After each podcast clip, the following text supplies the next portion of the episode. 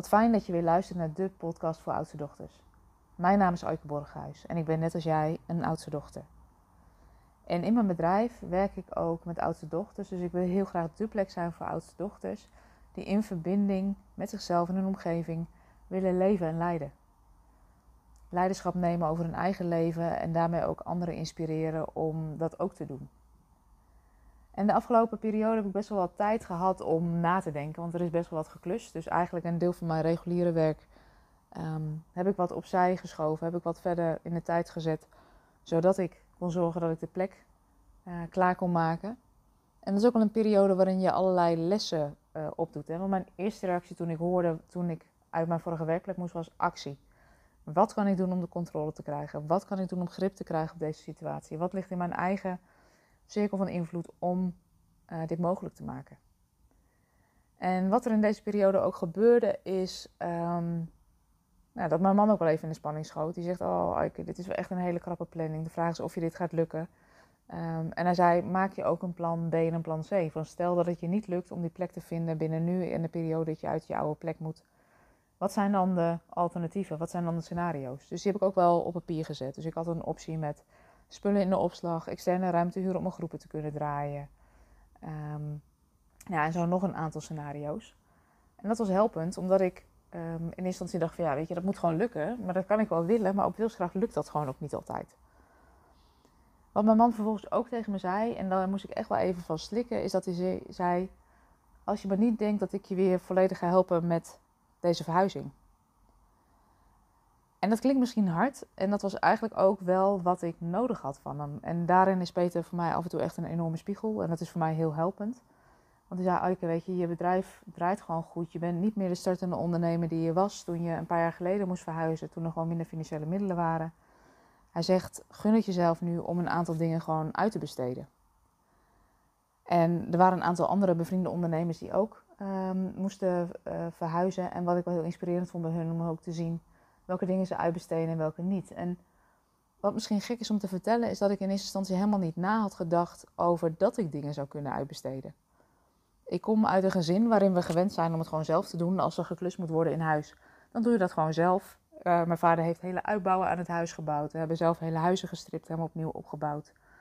Um, dus alles wat we zelf konden of kunnen, um, ja, ik heb met de paplepel ingegoten gekregen. Dat doe je dus ook gewoon zelf. En het was voor mij wel spannend om te beseffen van, oh, dat kan ook echt anders. Um, en ook van, wat doe je als je hulp wordt aangeboden? Dus ik had al vrij snel dat toen ik zei van, nou weet je, je krijgt dan dan de sleutel. Dat een aantal um, oud-klanten, mensen die ik kende, vrienden, vriendinnen aanboden van, goh, we willen je wel komen helpen.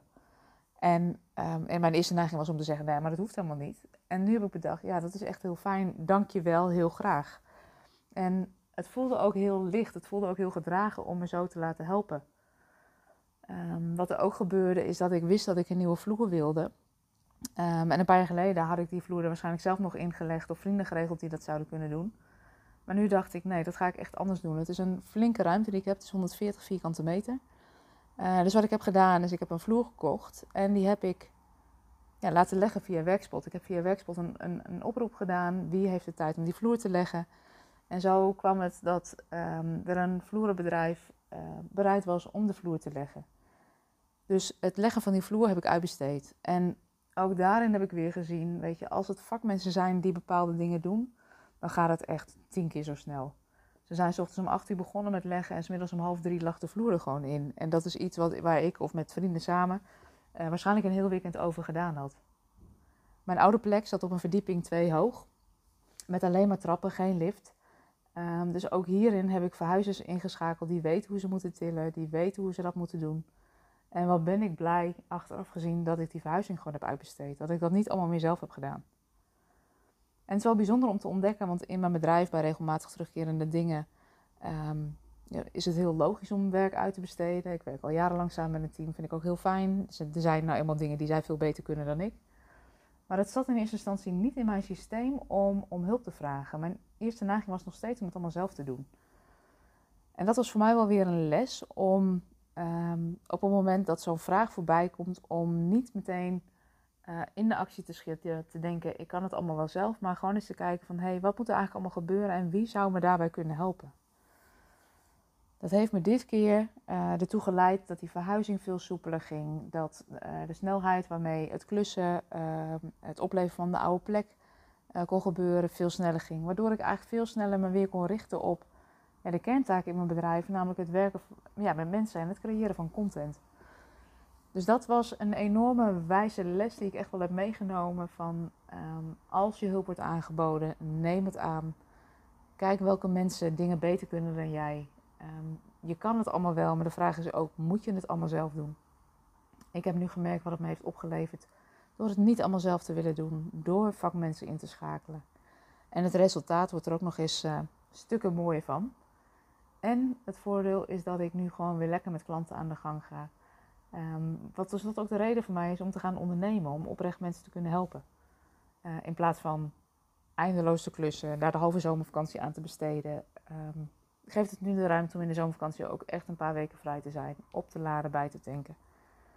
Dus eigenlijk de boodschap van jou of aan jou als oudste dochter van hé, hey, wat zijn de dingen die je nu allemaal zelf nog doet, die je ook prima kan, uh, maar die misschien iemand anders ook wel zou kunnen doen. En misschien wel veel sneller of beter dan jij. En het zou kunnen zijn dat het gaat om bepaalde dingen in je werk. Uh, de valkuil die ik uh, bij mezelf inmiddels herken, dat ik denk, dat doe ik zelf wel even. Dat is sneller. Um, dan weet ik inmiddels dat dat vaak helemaal niet zo is en dat ik om hulp mag vragen. Maar ook thuis kan het betekenen dat je om hulp vraagt. In de periode dat, um, uh, dat ik met die verhuizing bezig was, met die voorbereiding, heb ik Peter gevraagd: Wil jij thuis de boel gewoon draaien? Zorgen dat alles doorloopt.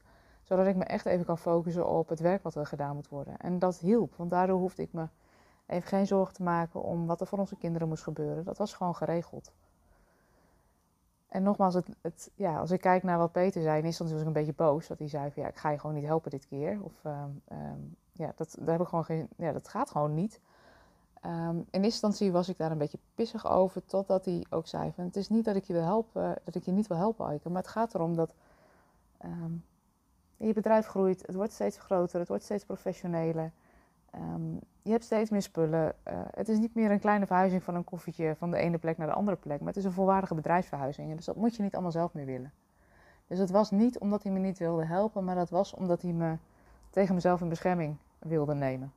En soms luister ik beter naar echt uh, confrontatie van ik ga je niet helpen. Dat is in ieder geval duidelijk.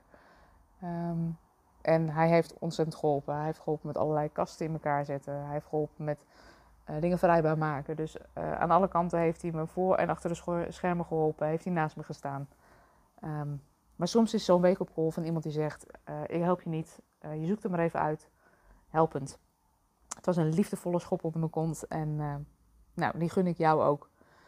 Waar doe je nu de dingen nog zelf? Waar mag het wel wat makkelijker en lichter voor jezelf? En gun het jezelf.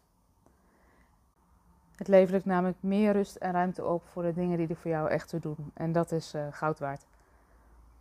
Daarmee zijn we aan het einde gekomen van deze podcast. Ik wens je een hele fijne dag en uh, tot de volgende aflevering. Mocht je deze podcast nou interessant vinden, abonneer je dan. Dan krijg je een berichtje als er weer een nieuwe aflevering online staat. Maar voor nu, een fijne dag.